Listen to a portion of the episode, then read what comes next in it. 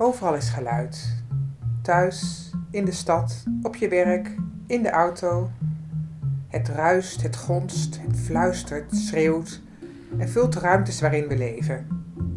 Tussen al die druktes groeit het verlangen naar stilte. Een plek om tot rust te komen, waar het gewoon lekker stil is.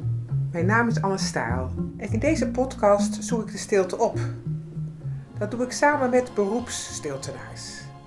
Dat zijn mensen die manieren hebben gevonden om stilte te creëren op onverwachte en soms zelfs chaotische plekken. Samen tasten we de grenzen van de stilte af. Waarom doen we zo moeilijk of juist zo makkelijk over stilte? Hoe kan je stilte verkopen? En zijn we eigenlijk op zoek naar stilte om ons heen of stilte in onszelf? Eén ding is zeker: geen enkele stilte is hetzelfde. Dat hoor je in het uur stilte dat ik op al die plekken heb opgenomen.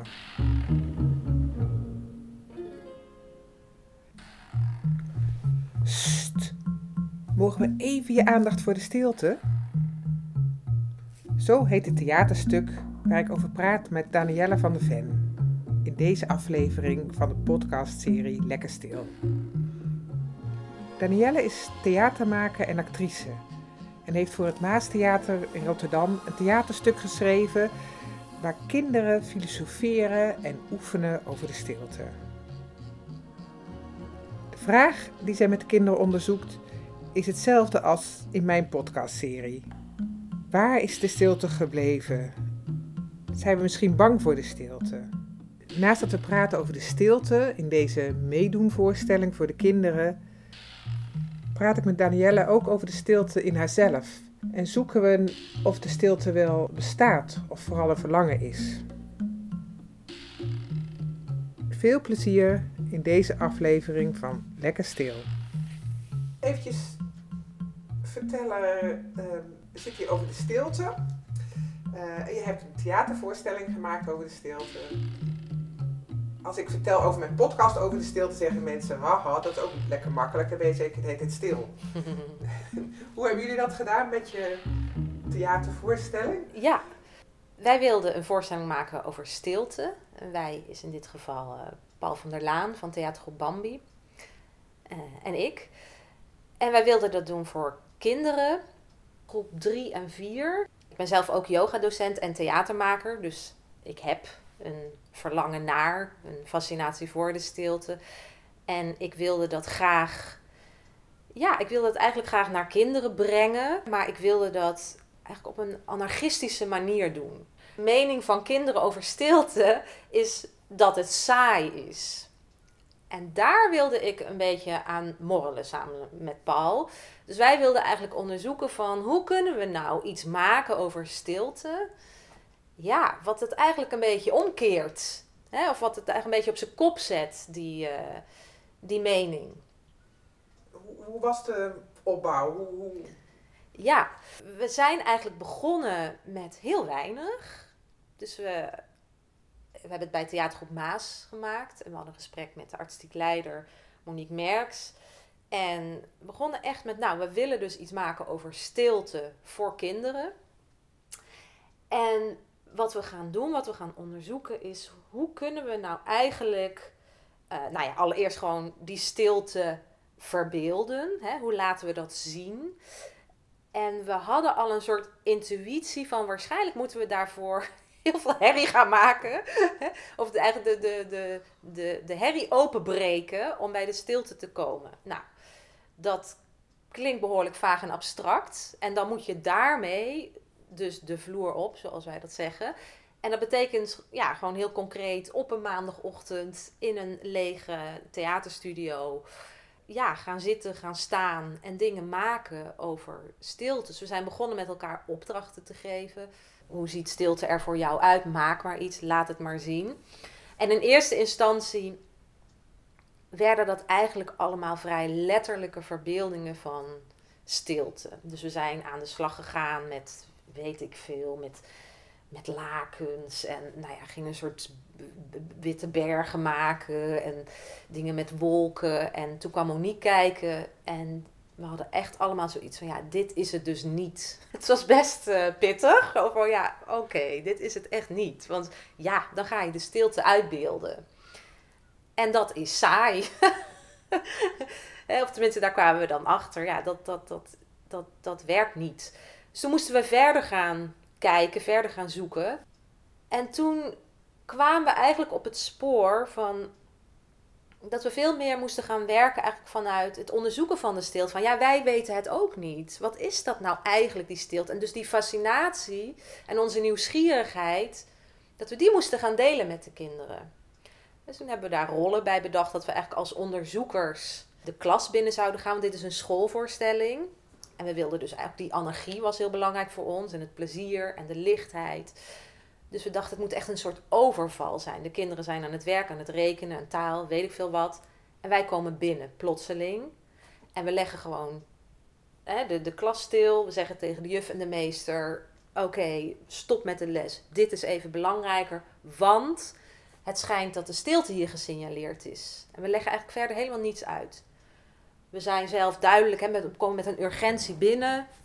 Uh, we maken het belangrijk jongens, leg je schriften neer, pennen neer. We zijn op zoek naar de stilte. Heeft iemand hem gezien? En het bijzondere is, en het hele leuke om voor kinderen te werken, is dat ze onmiddellijk eigenlijk meegaan. En ze gaan meteen, oké, ja, uh, hij was hier net. Of uh, nee, hij is net weer weg. Wat dan ook. Kinderen kregen heel veel vrijheid om mee te spelen op een bepaalde manier. Ze mochten met ons mee, op zoek naar die stilte. We namen ze mee het lokaal uit, dat is al spannend. En door een hele tocht door school. En dan eindigen we in een lokaal waar we uh, nou ja, wat spullen hadden staan. En zij konden gaan zitten.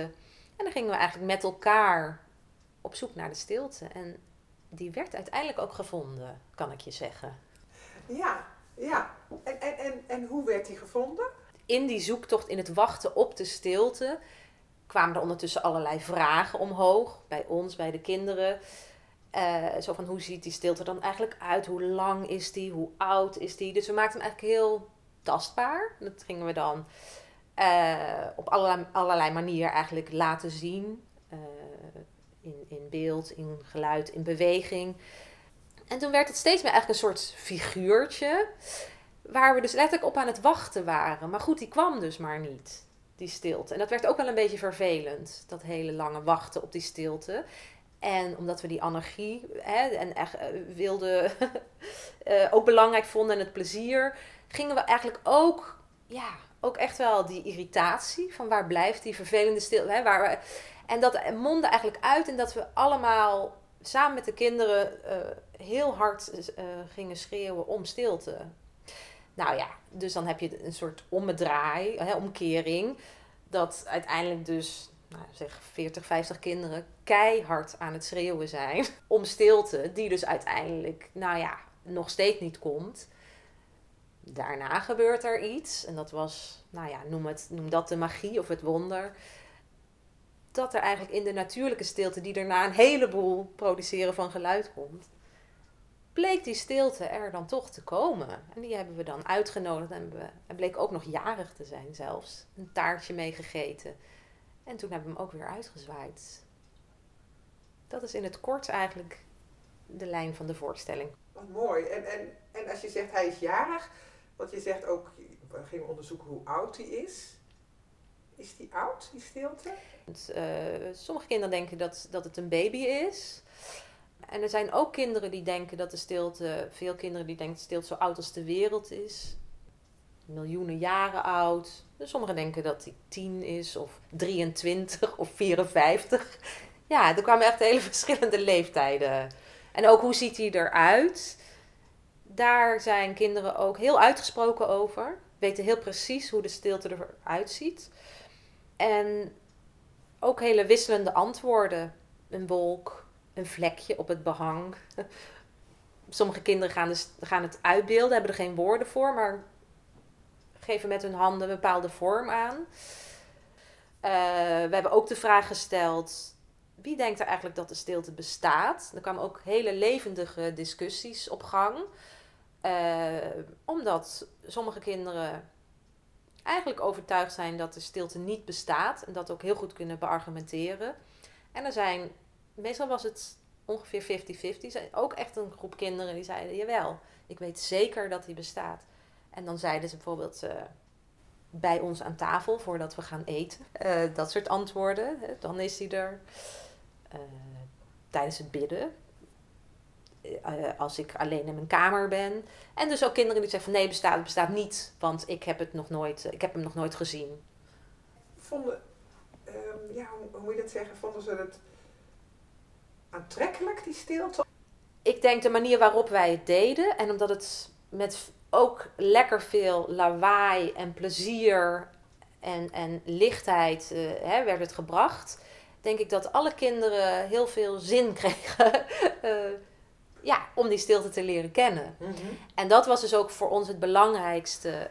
Dat we hè, in plaats van die gedwongen stilte, je moet stil zijn, dat we kinderen eigenlijk een optie gaven van hé, hey, je kunt ook kiezen voor stilte. En dat kan ook uh, ja, spannend zijn of fijn of uh, nou ja, aantrekkelijk, zoals je zegt. Al met al was deze voorstelling echt een ode aan de fantasie, een ode aan de verbeelding. Is stilte een fantasie? Hmm. Nou, dat, ik denk dat wisselt. Stilte kan ook heel tastbaar zijn. Mm, maar stilte, en stilte kan in ieder geval, dat praat ik echt vanuit mezelf, kan ook een, voor mij echt een verlangen zijn. Of iets wat ik, waarvan ik zelf me ook afvraag van, ja, ken ik het eigenlijk wel? Heb ik het wel eens echt ervaren? Dus in die zin vind ik het ook wel een fantasie, op een bepaalde manier, ja. Ja, ja. In de zin van, ik kan er wel over fantaseren. van hoe, ja, hoe zou dat dan zijn als het helemaal stil is? Ik heb dat ook nog nooit meegemaakt. Om mij heen en in mij, als ik het heb over die verschillende stiltes. Ja, en, en, als, en voor jouzelf dat verlangen, waar bestaat dat uit als het gaat om de stilte? Ja, dat, ik kan dat niet helemaal goed benoemen. En het is iets waar ik waar ik een sterk gevoel bij heb van, oh ja, het heeft zeker met rust te maken, met een soort diepe rust. En soms scheer ik daar even aan voorbij. Ik denk dat iedereen wel die ervaringen kent. Weet ik veel, als je in een bos wandelt of aan zee. Of... En dan kan je even denken, oh ja, dat. Maar ja, dan is het ook weer weg ja, dus op die manier uh, ja, blijft, blijft het ook fascineren. Ja, omdat je het misschien nooit echt kan vinden, de stilte. Ja, nee. Ik niet. Nee, nee. Dus ik maak er dingen over. ik geef ook yogales, dus ik, op een bepaalde manier doseer ik mensen in, ja, in stilte, zou je kunnen zeggen. Uh, maar dat ik nu zelf denk, goh, ik, uh, ik weet helemaal hoe dat is. Uh, nee. Ik denk dat de stilte, als je, dat, als je daar iets van kent, als je daar iets toegang tot weet te vinden, dat dat, ja, dat dat echt een cadeau kan zijn voor jezelf. En wat je dat oplevert. Ik weet niet of ik het zo concreet kan benoemen. Maar wat ik de kinderen gun, is dat ze misschien de ruis en het lawaai om zich heen even wat kunnen dimmen en uh, toegang krijgen en misschien tot hun, tot hun eigen stem of het vinden van hun, ja, in die stilte eigenlijk hun eigen stem kunnen vinden. Kunnen horen, laat ik het zo zeggen. Ja. Uh, dat je wat beter kan voelen van, okay, uh, dit wil ik nu dit is belangrijk voor mij. Of zo kan ik voor mezelf zorgen. Eigenlijk op die manier. Ja. Is dat vaag? Ja, misschien nog steeds vaag. Ja, het is lastig te benoemen. Ja, ja. het is lastig te benoemen. Dat is natuurlijk de... Nou ja, daarom kan ik er ook zoveel podcasts over maken. Ja. dat is ja. omdat het... Um, maar dat is ook het leuke van wel om het zo te onderzoeken. Um, heb je het ook over een gezamenlijke stilte? Want die is natuurlijk zeg maar, het, wat je zegt, je kan je even terugtrekken als je met anderen bent, uh, al is maar in gedachten. Uh, maar gezamenlijke stilte is weer een, ja, soort een andere beleving, denk ik. -hmm. In grotere kring ben ik wel voor meer gezamenlijke stilte. Ja, ik vind bijvoorbeeld een heel goed idee om als je als groep bij elkaar komt om te beginnen met even kort een stilte. Om maar iets te noemen. Ik denk dat dat echt uh, ja, heel veel kan brengen. Ja. Dat het wat normaler zou worden, zeg maar. Want je hebt zo de neiging om meteen... Uh, hey, hoi, ja, hoe gaat het? En iedereen komt van verschillende plekken. Uh, ja, even een moment om gewoon even aan te komen met elkaar. Bij een yogales doe ik dat automatisch, is dat zeg maar waar ik mee begin. Ja, dan merk ik dat, dat, uh, ja, dat mensen dan ook in die transitie van, van allerlei plekken uit allerlei levens naar die gezamenlijke plek komen. Als je even dat moment ervoor neemt, dat er. Ja, dat, het er dan, dat er daarna ook iedereen meer. Uh, er niet alleen fysiek, maar ook met hun geest daar is op die plek. Ja. ja. Dan op een gegeven moment merk je: hé, hey, is echt eventjes stil. Ja. Ja, dat, en dat is eigenlijk heel bijzonder als je met meerdere mensen bent, dat, het, dat er geen geschuifel meer is en geen. Ja, vind ik wel. Ik vind dat ook heel intiem. Ja. Eigenlijk. Dat je het met elkaar deelt en durft ook. Ja, dat vond ik wel het leukste, ook met die stiltevoorstelling, dat we erachter kwamen van. Um, het is ook. Ja, stilte heeft ook met durven te maken. Dat. Uh, ja, dat je dat ook durft in een groep stil te zijn. Zeker voor kinderen, voor jongeren. Ja. Ja, en waarom, waarom heeft dat ermee te maken, denk je? Omdat het dus helemaal niet zo vanzelfsprekend is. Uh, om dat met elkaar te zijn. En dus daar zit iets, wat ik net al zei, dat onwennige en dat spannende. Dus daar moet je bepaald nu even lef voor hebben. Van oké, ik ga dat gewoon doen. En ik weet niet wat ik tegenkom. Misschien, ja, er kan natuurlijk ook emotie aan de oppervlakte komen in de stilte. Ja, dus dat gebeurt. Het kan zijn dat op het moment dat jij stil wordt, dat je gaat huilen bijvoorbeeld. Ik heb ook met mijn jongeren, uh, ja, die, kunnen ook, uh, sommigen krijgen uh, beelden komen omhoog in hun hoofd, bijvoorbeeld. Waar ze een beetje van schrikken. Of, ja, er kan van alles gebeuren in de stilte. Wat je niet van tevoren had bedacht. Ja, dus heeft dat durven dan ook. Uh, heeft dat ook te maken met de controle loslaten? Hmm. Ja. Um, ja, dat denk ik wel. ik zit er nu heel hard over na te denken. Uh, ja, dat, ik denk wel dat inderdaad als je, als je je hoofd toch ziet als een soort machine, denkmachine die gedachten produceert. En in de stilte probeer je eigenlijk die gedachtenmachine wat zo van, nou, prima dat jij denkt, prima dat al die gedachten zijn, maar ik ga even niet naar jou luisteren. Ik ga het even een beetje laten. Ik ga gewoon eens eventjes, ja, met wat meer afstand kijken misschien naar al die gedachten. Vanuit een diepere bron van stilte.